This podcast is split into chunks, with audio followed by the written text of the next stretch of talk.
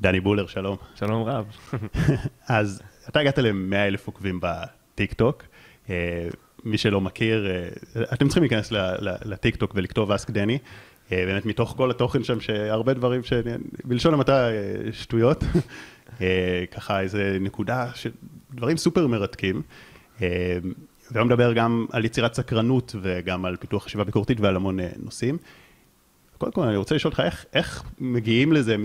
איך הגעת ל-100 אלף עוקבים פלוס? איך הגעתי צריך לשאול אותם, אבל הכל התחיל ב...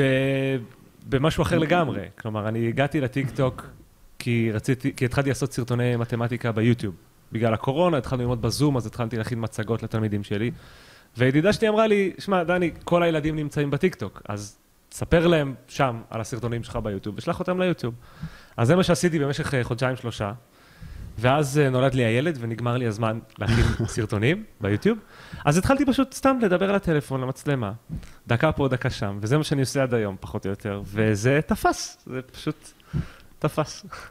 תשמע, אתה באמת, אה, אתה מדבר על, על מגוון נושאים מאוד מאוד רחב, ופשוט עושה את זה מעניין, פשוט תופס, גם אני מוצא את עצמי יושב וצופה ולומד, וזה מעלה את המחשבה, תשמע, כל מה שאנחנו לומדים, העולם מרתק. דברים שלומדים בבית ספר מרתקים, האוניברסיטה, הקורסים, אתה, אתה קורא את השם של הקורס, אתה אומר, וואלה, בא לי ללמוד את זה. אבל אז כשאתה מגיע לקורס, אתה אומר, יאללה, בא לי לסיים.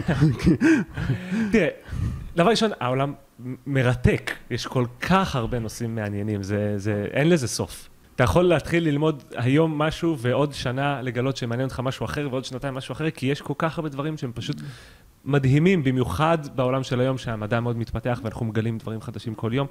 אבל כשאתה לומד את זה בבית ספר, אז דבר ראשון, אתה יודע, בבית ספר אתה חייב להיות. אנשים לא אוהבים דברים שמכריחים אותם לעשות. אז מראש הם באים עם קצת פחות חשק ללמוד. אה, וגם, אני לא יכול להגיד שאיכות ההוראה היא תמיד ברמה הגבוהה ביותר. אני לא יכול להגיד לצערי הרב, שלכל המורים יש תשוקה ללמד את מה שהם מלמדים. שוב, אני ממש מצר על כך, אבל זה המצב.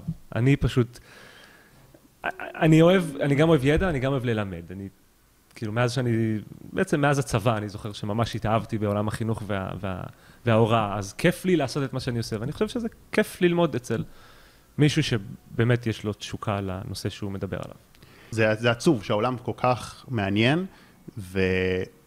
בתי הספר מוציאים את החשק ללמוד, והאוניברסיטאות גם, שבאמת זה, אתה רק, אני עובר על רשימת הקורסים, בא לי ללמוד את הכל, אבל כשאני מגיע לזה בפועל, זה, פעם, זה כל פעם מחדש מאכזב, לא, לא כל פעם, יש גם אפילו מרצים שלי מהאוניברסיטה שהיו פה והם מאוד מעניינים, אבל רוב הפעמים.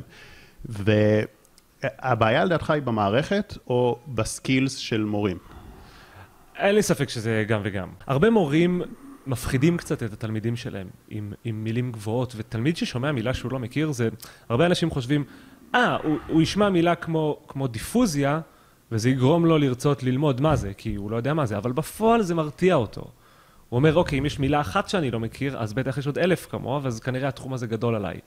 אז דבר ראשון, הייתי ממליץ למורים לעולם לא להשתמש במילים גבוהות. אין משהו ש, שאי אפשר ללמד אותו בלי שפה, בשפה יומיומית. כלומר, כל דבר אפשר ללמד במילים שאני ואתה משתמשים בהם עכשיו. כל דבר. פשוט צריך למצוא קצת את היצירתיות של הניסוח. אז דבר ראשון הייתי אומר, שמורים צריכים קצת לרדת אל העם, צריכים קצת לדבר בגובה העיניים. כי גם נושאים מאוד מורכבים אפשר ללמד ברמה נעימה, ברמה ידידותית למשתמש, נקרא לזה ככה. וכמו שאמרתי מקודם, חלק מהסקילס זה לרצות, ללמד, לרצות, ליהנות. לרצות שהתלמידים שלך ייהנו. אני לא, אני לא אגיד שכל נושא בעולם הוא מעניין, אבל אני כן יכול להגיד שאפשר ללמד בצורה מעניינת כל נושא בעולם, הכל תלוי איך אתה, איך אתה בוחר להסתכל על זה. זאת אומרת שקודם כל זה גם טיפ אה, מאוד חזק, אה, השימוש בשפה. אה, לא מורכבת מדי, גם לקחתי אותו לעצמי, כי אני בהחלט נוטה להשתמש במילים. כל הנושא הזה של לבוא עם תשוקה, אתה אומר, לפעמים מורים לא באים עם חשק, אז שאלה מה, מה יכול לעשות להם יותר חשק? זאת אומרת, מה... אז, אז פה, פה נכנסת באמת המערכת. כן. אני לא חושב שזה פייר, אני אומר שמורים צריכים תשוקה, אבל אני לא חושב שזה פייר להגיד למורה שמקבל מעט מאוד כסף על הרבה מאוד השקעה, להגיד לו בוא, בוא תהיה עכשיו המורה הכי שמח ומלא בתשוקה, זה, זה, זה, אי אפשר לצפות את זה באמת מכל מורה. במיוחד אם הוא מאוד מותש, במיוחד אם uh, תלמידים שלו עושים לו הרבה בעיות, וגם זה קורה מדי פעם. המערכת לא תומכת במורים כמו שאנחנו רוצים שהיא תתמוך. אנחנו... יש הרבה מאוד משאבים והרבה מאוד uh, כסף שמוקצה למערכת החינוך, אבל לא כל הכסף הזה, או אפילו לא רוב הכסף הזה, מגיע באמת למורים. המורים צריכים להרגיש קצת יותר גב, המורים צריכים להרגיש קצת שיש, שיש מערכת שבאמת מחבקת אותם ומעודדת אותם לעשות את זה. אני מלמד בבית ספר, בגימנסיה העברית אה, פה בתל אביב, אני מלמד בבית ספר שאני יודע שאם אני אחליט עכשיו לעשות לתלמידים שלי שיעור העשרה, ועשיתי את זה הרבה פעמים, על משהו במתמטיקה, או אפילו סתם על, על אבולוציה, על חשיבה יצירתית, וזה, הבית ספר שלי יתמוך בי. כל מורה צריך להרגיש את זה. עכשיו, אני לא אומר שמורה שכיתה שלו עוד שבוע יש לה בגרות במתמטיקה, צריך לעזוב הכל וללמד עכשיו על, על גידול אורז בסין, אבל, אבל מורים צריכים להרגיש קצת חופש יצירתי. אתה מדבר עם התלמידים, הם אומרים לך מה מעניין אותם, אתה מכיר אותם, אתה לומד להבין מה עושה להם את זה, ולפעמים אתה רוצה ללמד אותם את הדברים האלה שכל כך מעניינים אותם. אז, אז אני עושה את זה פעם ב, ואני חושב שכדאי לכל מורה לעשות את זה, אבל לא כל מורה מרגיש שהוא יכול, כי הוא, לא, הוא מרגיש שהמערכת תכעס עליו אם הוא יעשה את זה. כן. בוא נגיד שלשנות את מערכת החינוך זה אולי לא, לא יקרה מהפודקאסט הזה.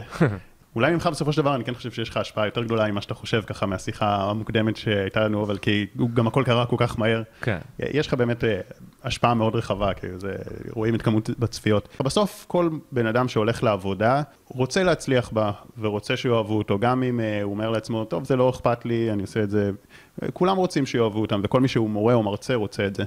אז נתת טיפ אחד, יש לך עוד כלים ורעיונות ל... אה, איך הם יכולים... אני חושב שיש לי עוד טיפ, כן. אני חושב שזה לא, לא לגמרי פשוט, זה משהו שדורש הכנה מוקדמת, אבל אני חושב שתמיד, בכל נושא שאתה בוחר ללמד, אתה חייב ללמד, לדבר מהמקרו אל המיקרו. אתה חייב להתחיל משהו מאוד רחב, ליצור תמונת רקע, לחבר את התלמידים לעולם התוכן בכלל, שאנחנו מדברים עליו, מבלי שאתה נכנס לנושא פנימה, ולאט לאט אתה צולל לעומק. כלומר, אם אני כן. אתחיל ללמד, אם אני רוצה ללמד אותך עכשיו על, אה, על מבנה האטום, לדוגמה, אני לא אצלול ואדבר על האטום במשפט הראשון שלי. אני אדבר קצת על כל העולם שלנו ועל מה, ומה, ממה הוא מורכב. אני אדבר על, על יסודות, על חומרים, על מילים שקצת יותר קל לנו לקבל, כי אנחנו מכירים אותם ביום-יום, ולאט לאט אני נכנס פנימה. וכשאני מגיע לדבר על האטום, אז התלמידים כבר, יש, יש בהם את הרצון, כי חיברתי את זה לעולם שהם מכירים. תשמע, אם אני מסתכל על מה שאתה עושה, תגיד אם אתה מסכים עם זה, אתה גם באמת מחבר את זה לחיים. אתה לוקח, דוג... אתה עושה את זה מצד אחד, מתחיל עם הגדרה, שאני mm-hmm. מסכים עם זה, אתה מתחיל עם איזושהי הגדרה כללית, אבל אז אתה לוקח איזושהי דוגמה דווקא מאוד ספציפית מהחיים, משהו, לא, הכלב שלכם, משהו מאוד ספציפי ו- ומקשר את זה. כן. אני, אני חושב גם שזה מאוד תלוי קהל, אני, mm-hmm. אני לא אגיד שצריך ללמד אה, ילדים בדיוק כמו שלמד מבוגרים, אבל כשאני, אני יודע שרוב הקהל שלי הוא ילדים, אז, אני, אז כן, מאוד חשוב לי לחבר את זה לדברים שהם מכירים, כי כמו שאמרתי לך מקודם, הרבה פעמים כש, כשילד, כשתלמיד באופן כללי, כשהוא שומע דברים שהם זרים לו, אז הוא יכול להגיב באנטגוניזם, הוא יכול להגיב ב... זה גדול עליי. הוא יכול להגיד, להגיב, להרגיש כאילו, המורה הזה מתנשא עליי, אני, אני לא, הוא לא מדבר את אותה שפה שלי. ומספיק שאני אתן לו מקרה, אני אקשר את זה לדוגמה אחת שהוא מכיר, וזה יכול לעשות באמת את כל ההבדל. כן, אתה יודע, זה, זה כאילו פודקאסט שעשיתי גם לאחרונה על שוק ההון. ו, ובשוק ההון, אני, אני ניסיתי ללמוד אותו הרבה פעמים, אבל זרקו לי כל מיני מילים כמו נרות יפנים וקווי תמיכה וזה, ואמרתי, מה, עזבו אותי מזה. ואז בא מיכה עשיתי את הפודקאסט, והוא התחיל לדבר על אפל ועל אמזון ועל מה החברה עושה, ופתאום זה נהיה מעניין. ו, ואני חושב שזה גם הרבה מה שאתה עושה, אתה, אתה לוקח את הדברים האלה, שבעצם מה, מה, פיזיקה זה הדבר הכי מעניין בעולם, זה איך העולם שלנו בנוי, ואיך כן. אפשר לא לאהוב את זה, זה פשוט כן. רק צריך קצת... לגמרי, לא לגמרי. וגם יש עוד משהו חוץ מזה, וזה רלוונטי מאוד לתקופה שאנחנו חיים בה אנחנו בשנת 2021, 2022 תכף. כל הידע זמין לכולם. כלומר, כל בן אדם יכול להיכנס לאינטרנט, הוא צריך כמובן לברור את המקורות שלו, ואנחנו בטח נדבר על זה אחרי זה, אבל כל בן אדם יכול ללמוד על מה שהוא רוצה. הוא צריך לרצות ללמוד, זה דבר ראשון, והוא צריך להבין איך כדאי, איך אפקטיבי ללמוד. אז אני בטיקטוק, אני, אני לא מלמד ילדים פיזיקה, אני לא כן. יכול ללמד בן אדם פיזיקה קוונטית בדקה, גם לא בשלוש או בעשרים דקות. כל מה שאני יכול לעשות זה להצית בו את הניצוץ הזה של הסקרנות, לגרום לו לרצות ללמוד כן. פיזיקה. וגם מורים צריכים, צריכים לזכור את, את מה שאמרתי עכשיו, כאילו, התלמיד שלכם יכול ללמוד לבד את מה שאתם מלמדים אותו, והוא יכול לעשות את זה אפילו יותר טוב, כי הוא יכול ללמוד בתנאים האופטימליים, בתנאים שהוא מעדיף. כן.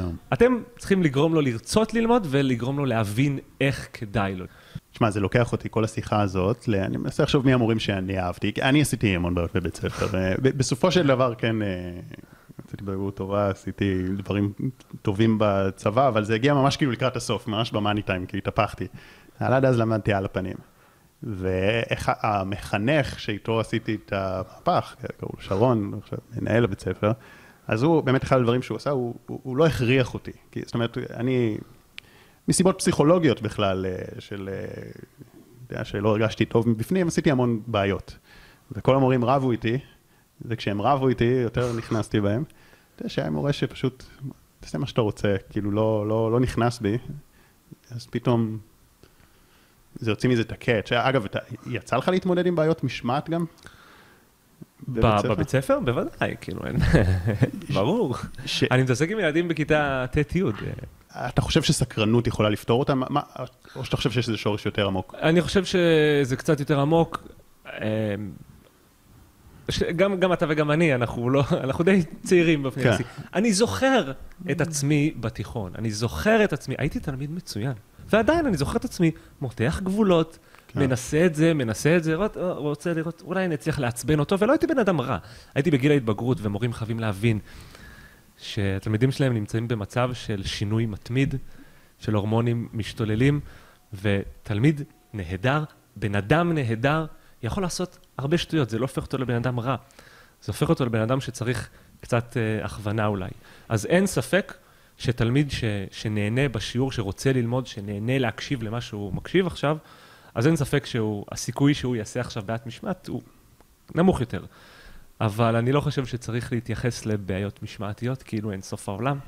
צריך להבין שגם אנשים טובים, גם ילדים טובים, עושים לפעמים דברים רעים, וגם זה, גם זו הזדמנות ללמידה. גם כשתלמיד עושה משהו לא בסדר, אפשר ללמד, אפשר לנצל את זה, לעשות שיעור מאוד מעניין, אני חושב. כן, אני, אני באמת הרגשתי שככל שאפשרו לי, ו... אז לא הייתי צריך להילחם בחזרה. כי אם, אם אני מנתח את עצמי בתור ילד, לא, לא שזה הגיוני, כן, אבל זה, זה כאילו מה שעבד. אה, אני גם חושב נגיד על עוד מורה ש, שמאוד, כי שעד היום אני זוכר את הדברים שהוא לימד. אה, היו שיעורי ערבית ואני לא רציתי ללמוד ערבית. אחר כך כבר למדתי ערבית בצבא, פרפקט, אבל בבית ספר זה לא עניין אותי. וגם כאילו ששחררו לי את זה ואמרו לי, עזוב, אתה לא צריך, לימודים על משהו, על אה, המזרח התיכון. היה שם איזה, איזה מורה צעיר כזה, שהוא למד באוניברסיטה, ובאמת הייתה לו תשוקה אה, לדברים, וכזה היה, זה, זה הרגיש לימוד מחתרתי. קודם כל זה הרגיש שלא הכריחו אותנו, כי לא רצינו ללמוד ערבית, זה הרגיש ש... והוא לימד בתכלס על דברים מסובכים, הוא ניתחנו טקסטים של ז'בוטינסקי, וזה היה, והצהרת בלפור, וניתחנו את זה, אבל זה היה מעניין, כי באמת בגלל התשוקה הזאת, היא... דיברת מקודם, שאלת אותי על טיפים למורים, אני חושב שכל מורה צריך לחשוב שנייה עם עצמו, איזה, איזה שיעורים אתה זוכר בתור תלמיד, בדיוק כמו שסיפרת עכשיו.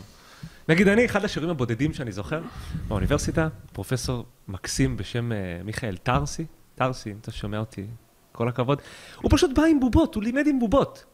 הוא בא לאנשים מבוגרים, סטודנטים, ולימד אותם עם בובות. וזה היה מדהים, ועובדה שזה אחד, באמת אחד השיעורים הבודדים שאני באמת זוכר, אחד הנושאים שלא, שלא עוזבים אותי. ו... ואני חושב שיש הרבה מורים שהיו אולי מתפתחים, אולי אומרים, אה, אני לא צריך את זה, זה סתם ל- לילדים. זה לא. זה דברים שעוזרים, זה נהדר, ואני, באופן כללי, עצמים ויזואליים או דברים, דברים שוברי שגרה, אני ממליץ לכל המורים להשתמש בהם. אתה יודע, אני חושב שבבובות יש עוד משהו מעבר למשהו שובר שגרה, יש בזה משהו גם שובר סמכות. אבל לא שובר סמכות במובן של לזלזל, כי הרבה מורים, הם, בתור ילד אתה מסתכל עליהם, הם כזה וואו, ככה גדולים, ו, וגם בתור סטודנט באוניברסיטה, אז אמנם אתה כבר לא ילד, אבל המרצים הם כולם דוקטורים ופרופסורים, כן. ופתאום מישהו בא ומדבר אליך בגובה העיניים, ואגב, גם אתה הלכת ו- ומדבר על ילדים בטיקטוק. אה, אני חושב שזה גם משמעותי. כן, אני, אני מסכים איתך ללא ספק, כי אני חושב ש... אני חושב שלתמיד יהיה הרבה יותר קל ללמוד ולהקשיב לבן אדם שהוא מרגיש איתו בנוח. כן. ואף אחד מאיתנו לא, לא מרגיש בנוח עם מישהו שהוא שנות אור מעלינו. זה, זה, לא, זה לא נעים. כן. זה לא נעים להרגיש מוקטן. אה, אז כן, אין לי ספק שהתלמידים, שהמורים צריכים להתקרב קצת לתלמידים. אני לא חושב שהמורים צריכים להיות חברים של התלמידים, זה לא כן. הקטע, זה לא התפקיד שלהם, אבל כן לגרום לתלמידים שלך להרגיש בנוח, זה ללא כן. ספק. לא יודע, אין, אין ספק שסמכות זה משהו שחשוב בשביל שנקשיב לבן אדם, אבל כנראה זה לא הבע- הבעיה במערכת החינוך ובמקומות האלה, זה לא שחסר סמכות, אלא זה אולי דווקא עודף אה, ופחות מדי. כן, חיבור. כן, אני חושב שפשוט אם, אם מגזימים קצת עם הסמכות, אז מקבלים ניתוק. כן. ו- וניתוק אה, לא מאפשר למידה. אין, כן, אין, ה- אין כזה דבר. אז תראה, אמר, אמרת משהו מאוד מעניין על זה שהיום הידע זמין בכל מקום, ויש עודף ידע, וזה לקחתי גם לעוד נושא שגם הידע זמין לכל, בכל מקום, ואתה גם צריך לשאול את עצמך למי אני מאמין. אה, כי גם יש מצד אחד הרבה פייק ניוז, וגם מצד שני, אה, יש מקומות, נגיד, נותנים לך איזושהי תמונה בחדשות, אבל לא נותנים לך את כל התמונה. אז זה לא בדיוק פייק ניוז, אבל זה גם כן. איזושהי הטיה. זו נקודה, נקודה מרכזית מאוד, מעניינת, באמת, אפשר לדבר על זה שעות. כן, חשיבה ביקורתית. אנשים חייבים, אה, חייבים להבין שזה שהם קראו משהו עכשיו, או זה שמישהו אמר להם משהו עכשיו, לא הופך את זה לנכון. אני לא אומר שזה הופך את זה לשקרי, אבל כל בן אדם צריך לדעת לעבד בעין ולנתח את המידע שהוא קיבל ולהבין בעצמו אם המידע הזה נכון או לא. אנחנו לא ניכנס פה לכל תאומות הפילוסופיה על האם יש, כזו, יש כזה דבר אמת או לא, אבל אה, כשאני עוסק במדע, וכן, יש אמת, לגמרי, יש, יש אמת. ומה שאני אוהב במדע זה שזו אמת אמפירית, זה אומר שזה אמת שאפשר לבדוק בעצמך. אז אם אני, כל דבר שאני מלמד את התלמידים שלי, הם יכולים לבדוק בעצמם, הם יכולים ל- ל- לבדוק את זה ולהגיד, לא, דני, אתה, אתה, אתה טועה. או, כן, בדקתי ואתה צודק.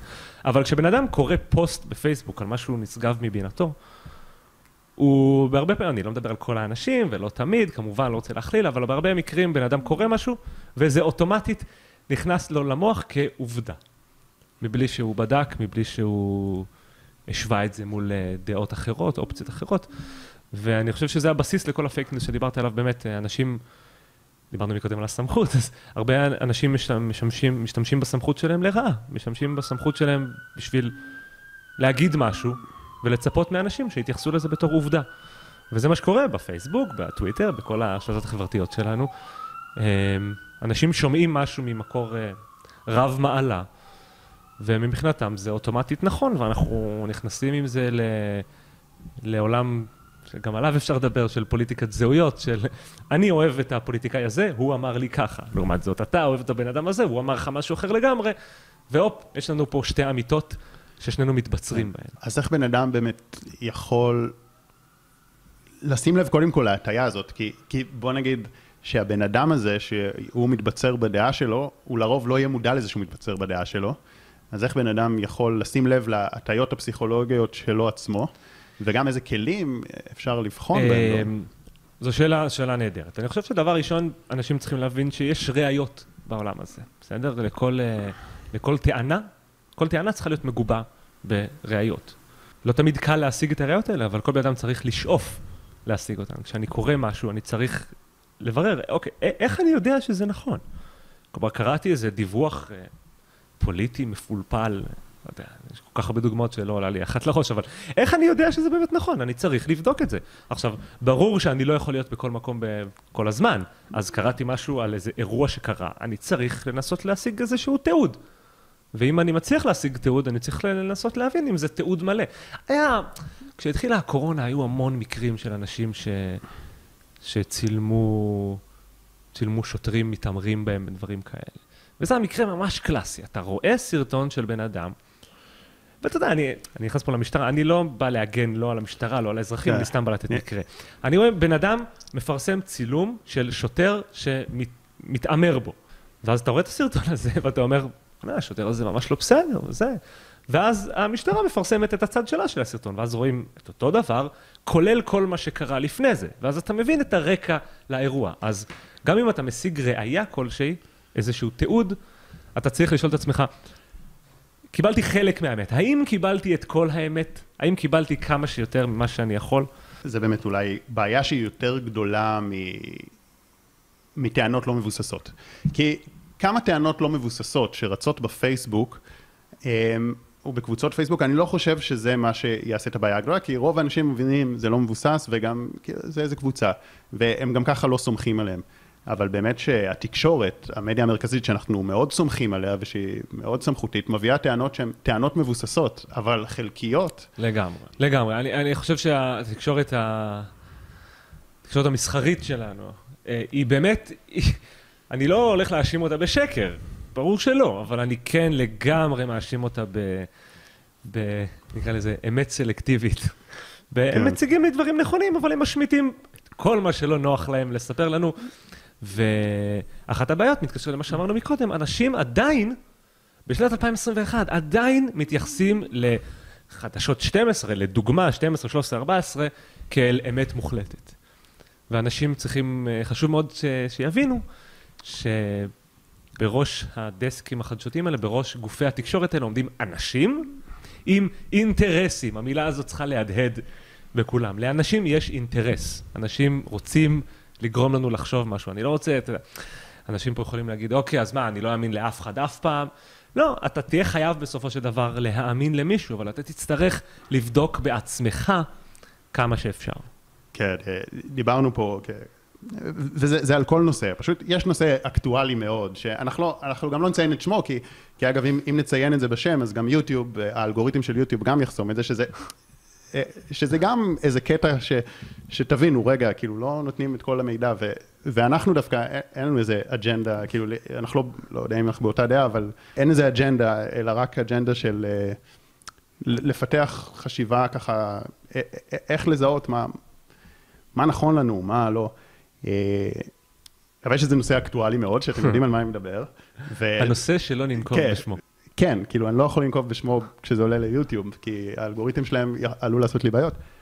אמ, אז נותנים לנו, דיברנו על זה שנגיד, יש המון הפגנות, כאילו אנחנו גרים בתל אביב, רואים כל שבוע בבימה, ויש ברחבי העולם, אני, אני מקבל תמונות באוסטרליה, בגרמניה, באוסטריה, בבלגיה, הפגנות ענקיות, וסבתא שלי שומעת כל יום חדשות, ואין יום שהיא מפספסת, ואני שואל אותה מדי פעם, שמעת על זה? ראית על ההפגנה הזאת? שמעת על זה פעם? אמרתי, לא, לא שמעתי על זה כלום. אמרו שיש איזה כמה, איך קוראים לזה? נו, אנרכיסטים, כמה אנרכיסטים הזויים שעושים את זה. וזה... כן, כן. זו, זו, זו בדיוק הדוגמה לזה. התקשורת, זה אנשים, זה בסופו של דבר התקשורת הזו, זה, זה אוסף של אנשים עם הרבה מאוד עוצמה, עם, עם אג'נדה מסוימת. שלא רוצים לפרסם דברים שמנוגדים למה שהם מאמינים בו, הם לא רוצים לפגוע, מש... לפרסם משהו שיפגע בהם. אז הם פשוט מסתירים את זה. לפעמים כבר היו מקרים גם של, שהם שיקרו במצח נחושה, גם זה קרה. אבל בראש ובראשונה חשוב שאנשים יבינו שאותם גופי תקשורת לא מציגים את כל האמת, הם מציגים נקודת מבט שתומכת באג'נדה שלהם. חשוב מאוד שהם יבינו, וזה לא רק גופי תקשורת, זה גם לצערי הרב גופים ממשלתיים, הרבה מאוד, אתה יודע, ממשלה בראש ובראשונה, מדובר באנשים שהאינטרס הראשי שלהם הוא להיבחר שוב. אז הם חושבים לטווח הקצר, והם חושבים באופן פופוליסטי, והם ממש לא נוטים לפרסם דעות ש... שמנוגדות למה שיקדם כן, אותם. כן, זאת אומרת שהחשיבת טווח קצר הזאת, זאת אומרת שהם עושים גם מהלכים שאפשר יהיה לראות את התוצאות שלהם תוך שנתיים. כן, ברור ש... אני, אני חושב לפעמים ש... ברור כמו שאמרתי, פוליטיקאים רוצים להיבחר. הם יעשו את מה שצריך כדי להיבחר. אין הרבה קדושים מעונים שמקריבים את עצמם בשביל אה, בשביל הציבור. אין, אין הרבה כאלה, לא בישראל ולא במקומות אחרים. אבל מעבר לזה, בגלל שאנחנו חיים באינטרוולים של ארבע שנים בחירות, הלוואי ארבע שנים, כן, שנה, שנה וחצי, אמ, זה גורם לפוליטיקאים גם להפעיל מדיניות של טווח קצר, להפעיל מדיניות של עוד שנה יראו תוצאות ממש טובות, אז יאהבו אותי. גם אם בעוד חמש שנים, הכל יחזור אליי כבומרנג, אבל זה כבר לא משנה, כי אנשים בחרו בי לעוד קדנציה. כן. מבין? אז הפוליטיקאים אוהבים דברים שנשמעים טוב עכשיו. אז תראה, דיברנו על הבעיה המאוד גדולה של התקשורת הרשמית, המסחרית, ה... נקרא לזה המסורתית. אה, ואז המדיה החברתית במידה מסוימת אה, פותרת את זה, אבל, אבל במידה רבה גם יוצרת בעיות חדשות. אז היא, היא פותרת את זה בכך שכאילו, אם דברים שפעם, מה שהתקשורת הייתה משדרת, אז לא הייתי יכול לראות, אבל אני כן, היום אנחנו כן יכולים לראות, כי עובדה איך ראיתי שיש כן הפגנות בכל העולם, הפגנות ענק, כי יש עוד מדיות, אפילו שהתקשורת המסורתית חוסמת וגם יוטיוב mm-hmm. די. אבל מצד שני, מה שקורה ברשתות החברתיות, זה שאתה מקבל רק את מה שאתה אוהב לשמוע. כן. ואתה, ו, ופשוט אתה לא, אתה לא נחשף נכון. לדברים אחרים. נכון. במקרה הזה, אין לי, אין לי מי להתלונן חוץ מאל הרשתות החברתיות עצמן. כן, בסוף אנחנו לא פה בהתלוננות, אלא איך כל אחד ואחת מאיתנו יכולים... כן, אז, אז, אז גם בהקשר הזה, אנשים חייבים להבין שיש אמת, ואנחנו צריכים להעריך את האמת, אבל מעבר לזה אנחנו צריכים להעריך את כל האמת. ואנשים חייבים להבין, גם אם יש להם איזושהי תמונה ביד שלהם, גם אם יש להם איזושהי ראייה, כמו שאמרתי מקודם, זה לא אומר שיש להם את התמונה המלאה. הם חייבים תמיד להסתכל על שני צדדים של המטבע. זה מאוד קל לראות משהו ולהגיד, אוקיי, אני בצד הזה. אבל חייבים, חייבים לשמוע גם את הצד השני. ואני נוטה לפקפק ולהטיל ספק בכל גוף שמציג לי צד אחד. ו- וזה מצחיק, אבל זה רוב הגופים בימינו, כן. אבל אם מישהו שומע אותי, אני, אני אגיד באמת בשורה התחתונה, אתם חייבים תמיד לשמוע שני צדדים בשביל לקבל החלטה. אין כזה דבר להחליט על סמך צד אחד, אין כזה דבר. בסדר? מערכת המשפט שלנו לא הייתה עובדת אם היינו נותנים רק לצד אחד לדבר, זה לא, זה לא יכול לעבוד ככה. כן, זה, זה, זה קשה, זה כי, כי אנחנו, אני חושב שיש איזה סיפוק מלראות מישהו שמסכים איתנו בדעה, זו תחושה נעימה כזאת, וזה מאוד מעצבן מישהו שלא ברור. מסכים איתנו. וזה גם קל לשמוע משהו, ואז ישר להחליט, אוקיי, סיימתי את העבודה שלי, אני, יש לי דעה. זהו, לא כן. צריך להתאמץ. כן, כן, וזה אולי גם האתגר בטיקטוק ובאלה, ש... כן, בטיקטוק... אה, אתה חווה את זה. אני חווה את זה מאוד. בוא נגיד שאני נהנה מאוד מהקהל ומהקהילה שצברתי, מהאנשים שתומכים בי, אבל אני גם... אה, יש הרבה גם מהצד השני, יש גם הרבה ש... הרבה התנגדות, הרבה, הרבה קללות, לצערי. בטיקטוק גם במיוחד יש הרבה, הרבה ילדים, כן. הרבה אנשים שלא הספיקו מספיק לשמוע דעות מעבר למה שהן גדלו עליו. אה, אז, אז לצערי כן, יש הרבה דברים שאני אומר שישר באים למישהו ברע, ואז כן. אני ישר מקבל קללות, ואתה טועה, ואיך אתה מעז להגיד את זה, ודברים כאלה, כן. וזה מתקשר למה שאמרנו, כאילו, כל השיחה פחות או יותר. אני מבין שיש לכם דעה מגיל אפס, אני מבין את זה. אני גם מבין שזה לא נעים לשמוע משהו שסותר את מה שידעת מגיל אפס. אבל חייבים לשמוע את הצד השני. אתה לא יכול לגבש דעה על סמך דבר אחד, על סמך כיוון אחד שלמדת כן. מאז שאתה ילד. זה אגב, אני חושב נכון גם למערכות היחסים שלנו. ברור. אה, בוא, אני רוצה רגע לשאול אותך על נושא אה, שהוא קשור, וזה כל מיני הטיות. אה, ודיברת, אחד הדברים, אני חושב שאולי מכל התור שלי זה גם להבין את זה לעומק, זה, זה הדבר הכי משמעותי אולי ב, בתארים של מדעי החברה ופסיכולוגיה. ההבדל בין מתאם לבין סיבתיות, mm. ואיך איך, אה, מחקרים מעטלים בנו.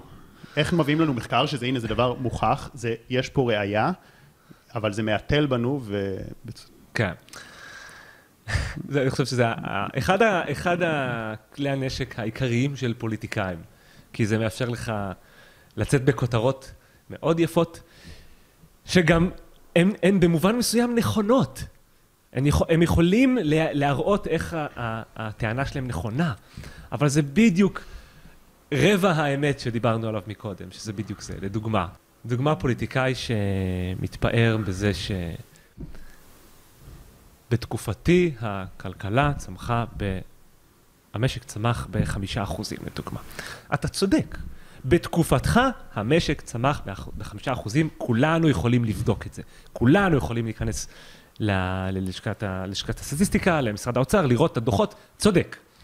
השאלה היא, האם הפעולות שלך העלו את המשק בחמישה אחוזים? כי אם באותה תקופה שהמשק שלנו צמח בחמישה אחוזים, ה-OECD, כלומר שאר המדינות המתועשות, צמחו בשבעה, אז אתה לקחת אותנו אחורה, לא אתה, בתקופתך הלכנו אחורה. כי אנחנו חייבים להשוות את עצמנו לשאר העולם. אם הצמיחה העולמית היא 7 אחוזים, אז גם מדינת ישראל מצופה ממנה לצמוך ב-7 אחוזים. אם צמחנו מעבר לזה, הצלחנו, פחות מזה, אז אנחנו לא. אבל זו בדיוק התמונה המלאה שנוח לאנשים מסוימים להסתיר מאיתנו. כן, ו- אני חושב שזה גם הרבה פעמים סיבתיות, זה כמו שיש איזה קטע שהוא, ב- באנגליה נגיד, מקומות שכפריים, אה, יש בהם יותר ילודה, ויש בהם גם יותר חסידות. אז אולי אה, חסידות כן, מביאות כן, ילדים כן. לעולם. השנה היה את הסיפור הממש מגניב הזה עם, עם אה, קריסטיאנו רונלדו. אני גם נפלתי בזה, זה, זה היה ממש מקרה יפה. קריסטיאנו רונלדו ישב באיזו מסיבת עיתונאים, כדורגלן, למי שלא חי בעולם שלנו, אה, ישב במסיבת עיתונאים, הגישו לו קוקה קולה, כרגיל, ואז הוא העיף את זה החוצה, אמר, רק מים, לקח מים. ואז אנשים הראו איך באותו יום המניה של קוקה קולה נפלה בכמה אחוזים. כלומר, רונלדו הפיל את המניה של קוקה קולה. כן. וזה בדיוק ההבדל בין, בין סיבתיות לנסיבתיות. זה היה נסיבתי. רונלדו באמת הזיז את הקולה, המניה של קוקה קולה באמת נפלה. השאלה היא, האם רונלדו גרם למניה של קוקה קולה ליפול? וכשנוברים קצת בפרטים, אז מגלים שלא. שהמניה נפלה בגלל משהו שלא קשור, שקרה בכלל לפני זה. אוקיי? אז בשביל להבין את זה, אתה צריך לנבור קצת באמת, לנבור טיפ-טיפה בנתונים. זה מהעבודה ה... טיפה אקסטרה עבודה שאנשים צריכים לעשות כדי באמת לקבל את התמונה, את התמונה המלאה. וזו דוגמה קלאסית לסיבתיות אל מול נסיבתיות. כן, ממש, ואני חושב שזה הנקודה ש- שלפעמים אה, זה יותר מסוכן מפייק ניוז, כי, כי אם אנחנו רואים פייק ניוז אנחנו יודעים לזהות אותו, אבל דווקא כשיש איזה נתון אמיתי שמוצג בצורה כן, מגמתית, זה כן, יותר כן, מסוכן. כן. אז דיברנו ככה על הרבה דברים, אה, אבל מעניין אותי עוד קצת לשמוע עליך, על דני. אה, מאיפה כל ה... הכל כך הרבה נושאים האלה שאתה בקיא בהם, איך אתה יודע כל כך הרבה נושאים? אני סקרן, זהו, זה, זה, זה הכל, אמרנו מקודם, כל הידע קיים. אם בא לי ללמוד עכשיו על פיזיקה קוונטית, ובא לי, אז אני פשוט לומד. הידע שם. יש, אה, יש ביוטיוב סרטונים מקסימים, אמנם רובם באנגלית, אבל אפשר ללמוד הכל עם אנימציות מאוד נוחות ועם אנשים מאוד נעימים. ואני קורא מאמרים של מכוני מחקר אה, מובילים. אפשר, אפשר ללמוד בכל צורה, בכל דרך שבא לנו, ואני פשוט, אני פשוט רוצה לעשות את זה, אז אני עושה את זה. אני, אני... באקדמיה לא למדתי פיזיקה קוונטית, לא למדתי אבולוציה באקדמיה.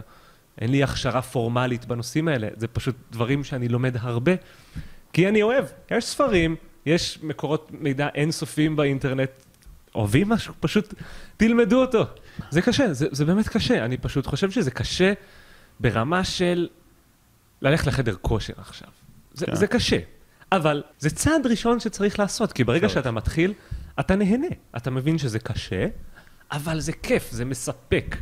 הצעד הראשון הזה, להתחיל, הוא, הוא החלק הקשה. הצעד הראשון שמוביל אותך לחדר כושר, כמו להיכנס למקלחת. אתה לא רוצה להיכנס, אתה, אתה, או, אולי אני אוותר היום, אבל אז במקלחת אתה אומר, איזה כיף לי, לא רוצה לצאת. אנשים נרתעים מלמידה, גם בגלל מה שדיברנו עליו מקודם, כי בבית ספר מחייבים אותנו ללמוד. ואני מסתכל על את זה. כמשהו שלילי, אבל, אבל למידה זה כיף. זה כל כך כיף לדעת משהו שלא ידעתי לפני שעה, זה, זה תענוג. זה נכון, החובה הזאת, כן, אני למדתי בפתוחה, ובגדול בפתוחה אתה, אתה עושה מה שאתה רוצה, אתה לומד, לומד יותר קשה, אבל איך שאתה רוצה, אבל יש כמה קורסים שהכריחו אותי להיות בנוכחות, וזה הקורסים שקיבלתי ציון הכי נמוך, פשוט כי אותי, ולא לא כן. עצבן, זה פשוט, זה, כן. זה, אתה לא יכול להתאים לעצמך את הלמידה. אגב, אני, אני לא אומר את זה בקטע, אני לא נאיבי, אני לא חושב שאנחנו צריכים עכשיו לעשות הכל, הכל רשות. כן, כן, נכון. אני מאמין שיש הרבה ילדים מאוד מוכשרים, שאם ניתן להם את האופציה לא לבוא לבית ספר, הם באמת לא יבואו לבית ספר. אה, אבל אנחנו צריכים... אתה בעד חינוך חובה?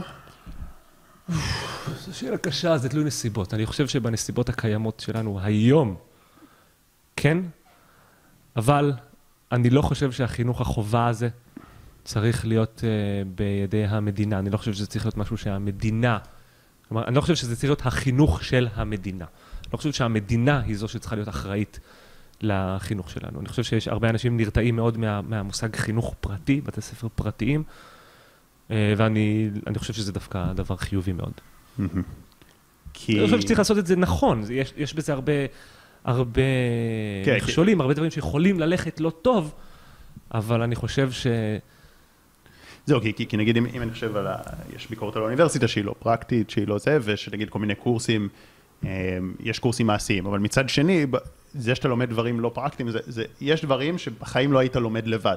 שאם אתה היית יכול לבחור את תוכנית הלימודים, לא היית לומד אותם בחיים. נכון. ו- וזה דווקא טוב ללמוד אותם. האוניברסיטה, זו שאלה, האם האוניברסיטה צריכה להכין אותך לשוק העבודה, או שהיא צריכה להכין אותך למחקר? זה עולם שונה לגמרי. כן. ואני חושב שהאוניברסיטאות מכינות אותך בהרבה מאוד מקצועות, בהרבה מאוד מובנים, מכינות אותך למחקר. כן. ואז אתה, אתה יודע, אני למדתי מדעי המחשב. סיימתי ללמוד, הגעתי לעבודה הראשונה שלי והגעתי למצב שאני אני צריך ללמוד. אני, אני סיימתי תואר של שלוש שנים, תואר קשה, ואני, בשביל להתחיל לעבוד, אני אשכרה צריך ללמוד שוב. כי באוניברסיטה למדתי המון תיאוריה, הבסיס לבסיס לבסיס, ואז כשאתה מגיע לשוק העבודה, אתה צריך ללמוד קצת יותר את הפרקטיקה. ו- ומה היית ממליץ לאנשים שרוצים לעבוד בהייטק באמת? אה, אתה ממליץ להם לעשות את מדעי המחשב, שזה אה, באמת אני- קשה מאוד? אני, או- אני ממליץ להם, אם הם רוצים לעבוד בהייטק, אני נאלץ להמליץ להם את מה, ש, מה שהמעסיקים מחפשים. והמעסיקים עדיין מחפשים בוגר תואר אוניברסיטה וכולי וכולי. ברגע שזה ישתנה, ברגע שהמעסיקים יחליטו שהם מפסיקים להסתכל על, ה, על הדיפלומה שלך, ויתחילו להסתכל אך ורק על מה שאתה אשכרה טוב בו, אז אני, אני אמליץ למי שרוצה להגיע להייטק, כן. פשוט ללמוד, פשוט ללמוד את זה עצמאית. אתה באמת אה, עובד בסטארט-אפ, ו- כן. והמורה למתמטיקה זה סוג של אה, שליחות כזאת. כן, נכון? אני, אני עובד בסטארט-אפ שגם הוא עוסק בחינוך, נותן אה, כלים למורים. כרגע זה לא בארץ, רק בארצות הברית ובחו"ל וקנדה וזה. אבל אני חושב שכן, אני, אני, אני מתכנת במקצועי, אבל אני כל כולי בעולם החינוך. כן. ו- ומה ככה, יש לך איזה תוכניות אה, לעתיד? אני יודע שזה, כאילו- דיברנו קצת לפני, זה עוד כזה מאוד, אה, כן, זה, זה מאוד, צמחת מהר, ו... אני עדיין קצת בהלם מהתנופה של העמוד טיקטוק שלי, אני בהלם מה, מכמות האנשים ש, שמקשיבים לי, אז אני עדיין לא יודע ממש מה לעשות עם זה. יודע מה, רגע, רגע לפני, אני בטוח שיש גם הרבה אנשים ש... אני יודע, פשוט מכיר קצת את הקהל, שאנשים שהם יוצרי תוכן. אה, ו- וזה היה שיחה מאוד מעניינת מה שעשינו, שאנשים שרוצים להצליח בתוך העולמות האלה של הרשתות החברתיות. ואתה ככה, אה, אה, עשית משהו מאוד גדול, מה, מה אתה חושב, אם אתה מנתח את ההצלחה שלך, אתה, זה, מה, מה, מה, מה הוביל לזה? כי, כי, כי יש המון אנשים שגם מאזינים פה והם גם רוצים, והם משקיעים אה, יותר ממך וזה לא קורה. אני חושב ש... דיברנו על זה מקודם, אני, אני מדבר בשפה הכי פשוטה שאני יכול, תמיד.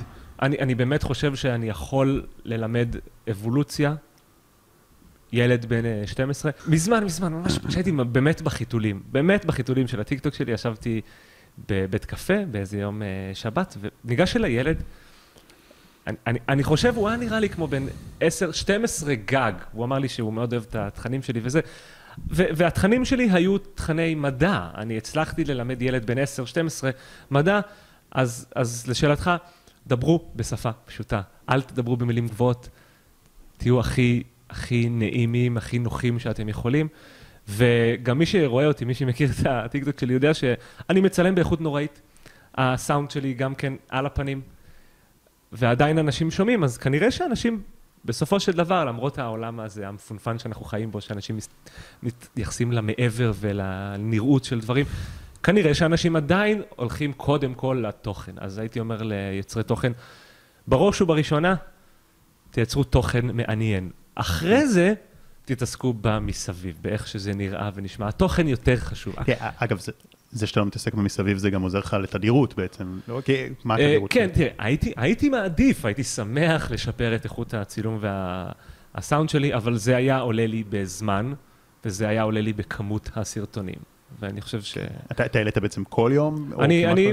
מעלה פחות או יותר כל יום סרטון, אני עושה לעצמי הפסקת צהריים של אה, חצי שעה פחות או יותר, ומעלה סרטון אחד ביום, פחות או יותר, ל- לרוב. ש, שזה גם מאוד משמעותי. אני חושב שזה נגיד משהו שאני לא עשיתי אה, כל הזמן שיצרתי, ומאוד כזה התמקדתי בלהביא משהו מאוד מדויק וזה, ואז זה פשוט יצרתי כמות מאוד קטנה. ובעולם, בטח ברשתות כמו טיק טוק, כן.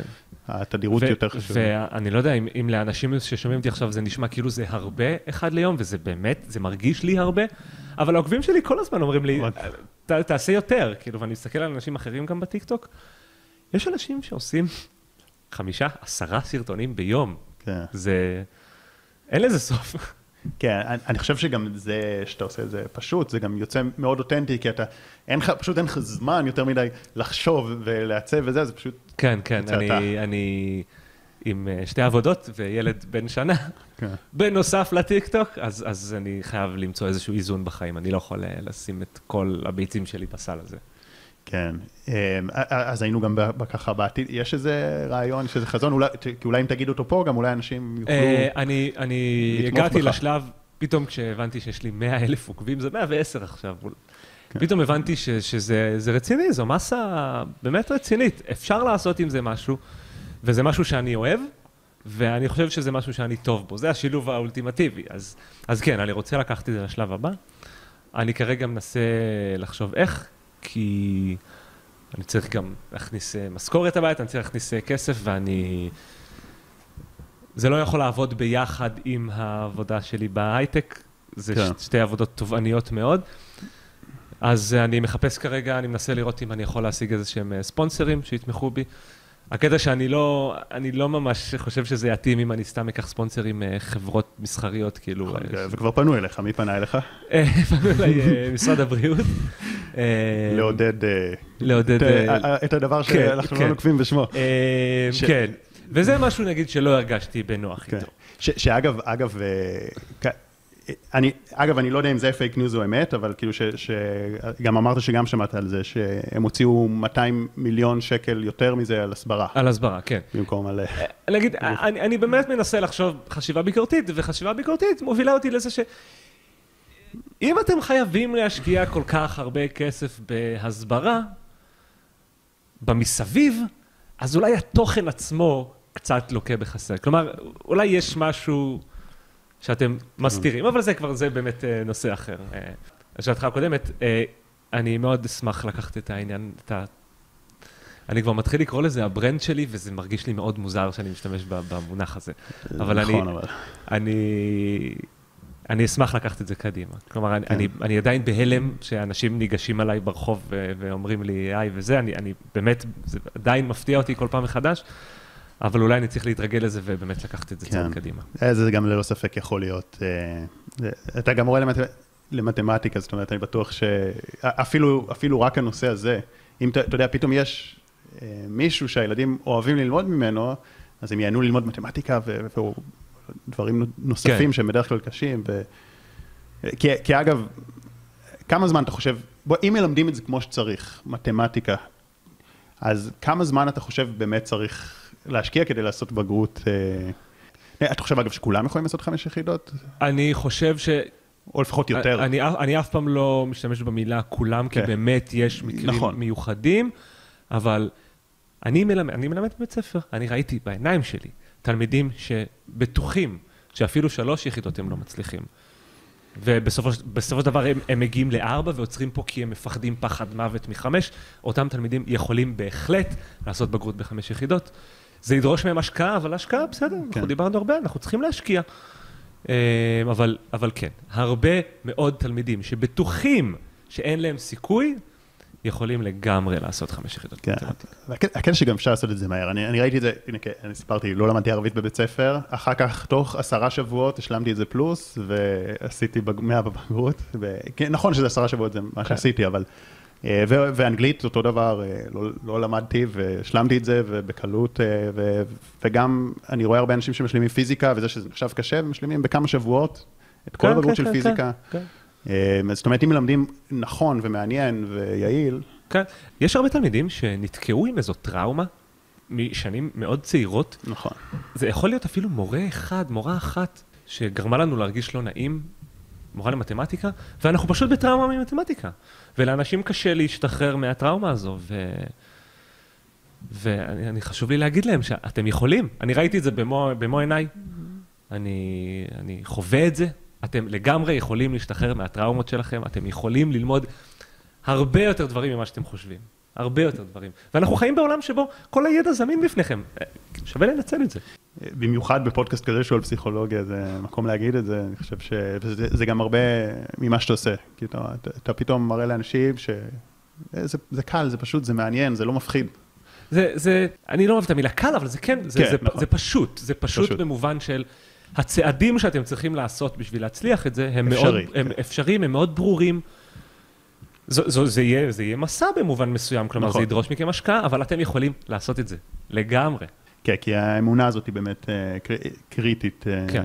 זאת אומרת, אתה, אתה מזהה אנשים שהמסוגלות העצמית, התפיסה של ילד אה, משפיעה על ההישגים שלו. בוודאי, בוודאי. אני לפני כמה שנים, אני זוכר, תלמידה שלימדתי אותה, שהיא כל הזמן אמרה לי שאין אין לה סיכוי במתמטיקה, פשוט אין לה. כל הזמן, לא, אני לא יכולה, אני לא יכולה.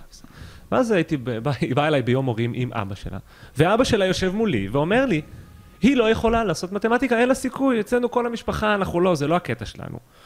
ואני לא אומר, אני לא מנסה להכריח בן אדם לעסוק במתמטיקה. אני לא חושב ש, שכל העולם צריך לעסוק בזה.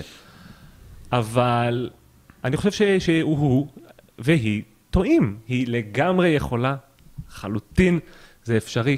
אין, אין, זה, זה פשוט, אתם יכולים לעשות את זה, פשוט צריכים להחליט ולהתאמץ. זה לא, זה לא יבוא בקלות, אבל זה, זה יבוא. כן. למרות שאני כן שם לב שאנשים שמאמינים שזה קל, זאת אומרת, לא, יש אמונה שזה קל שגורמת לך לזלזל, אבל כאילו זו אמונה שזה קל במובן שזה אפשרי, ש, שאני מסוגל לעשות נכון, את זה. ש, נכון. אה, אני גם כאילו, אני גם, הייתי גם נחשב בפיזיקה וזה, וכאילו מה שהיה לי את השיפט שהייתי במכון ויצמן, ראיתי איזה דברים הם עושים, אמרתי, מה? הבית ספר זה ממש קל, הם עוסקים פה בדברים משוגעים, ואז כאילו, פשוט בשנייה זה כן. כאיזה shift מנטלי. כן, כן, כן. וזהו, אז אני- דיברנו על זה גם, אני חושב שאמרת, אתה אתה מחפש גם אה, ספונסרים שותפים. אה, אה, הלוואי, אם אני אצליח להשיג ספונסר שעוסק בחינוך, במחקר, בדרך כזו או אחרת, אני אהיה מאושר. ויש כאלה, חברים, אם- אתם מכירים, יש פה הזדמנות ענק, אם מישהו, אתם מכירים אותו שהוא עוסק בחזון אמיתי, ויש לבן אדם הזה הזדמנות ענק, אני, אני באמת, ליצור באמת, קשר זה, זה, עם- מבחינתי זה יהיה מדהים. כי, כי, כי יש, כי יש, יש, אני יודע שיש, אני, אני בטוח שגם עכשיו יש כאלה שמאזינים ואומרים, ו- ואתה אתה, אתה לא מבין את זה, אתה, אתה לא מבין את רמת ההשפעה שלך, שיש כאלה שאומרים, וואי, איזה, איזה הזדמנות יש לי ליצור קשר עם, אה, עם דני. הלוואי, הלוואי שאתם בזה. מקשיבים לי עכשיו אנשים כאלה. טוב, דני, תודה רבה. תודה לך, שחר, היה לי ממש כיף. היה מעניין מאוד, אה, ואם רוצים למצוא אותך, Ask, מקף מקף דני בטיקטוק או ביוטיוב, אותו דבר. אה, יכולים גם מי שרוצה לפנות אליי במייל, אה, הכל מופיע בטיקטוק וביוטיוב. אה, כן, אז אני, אני אשים גם קישור, וחברים, אם, האזנתם ואהבתם את זה, אז קודם כל אני אשמח ש, שתעשו לייק, זה עוזר לי להבין איזה סרטונים אתם אוהבים, ואם יש אנשים שאתם חושבים שהם צריכים לשמוע את זה, נשמח גם שתשתפו, כי וואי, יש פה כמה טיפים, גם אני בתור מרצה למדתי ממך הרבה, אז תשתפו את זה, וגם אתם מוזמנים לשתף בסטורי, כל מי שמשתף אותי ומתייג בסטורי, אני משתף שוב, אז אני אשמח, וזה גם עוזר לי להבין מה אתם אוהבים, זה, אני מאוד מעריך את זה. אה, אז תודה רבה לכם, ממש תודה על ההאזנה. תודה רבה, דני. תודה לך, שחר, היה לי ממש כיף.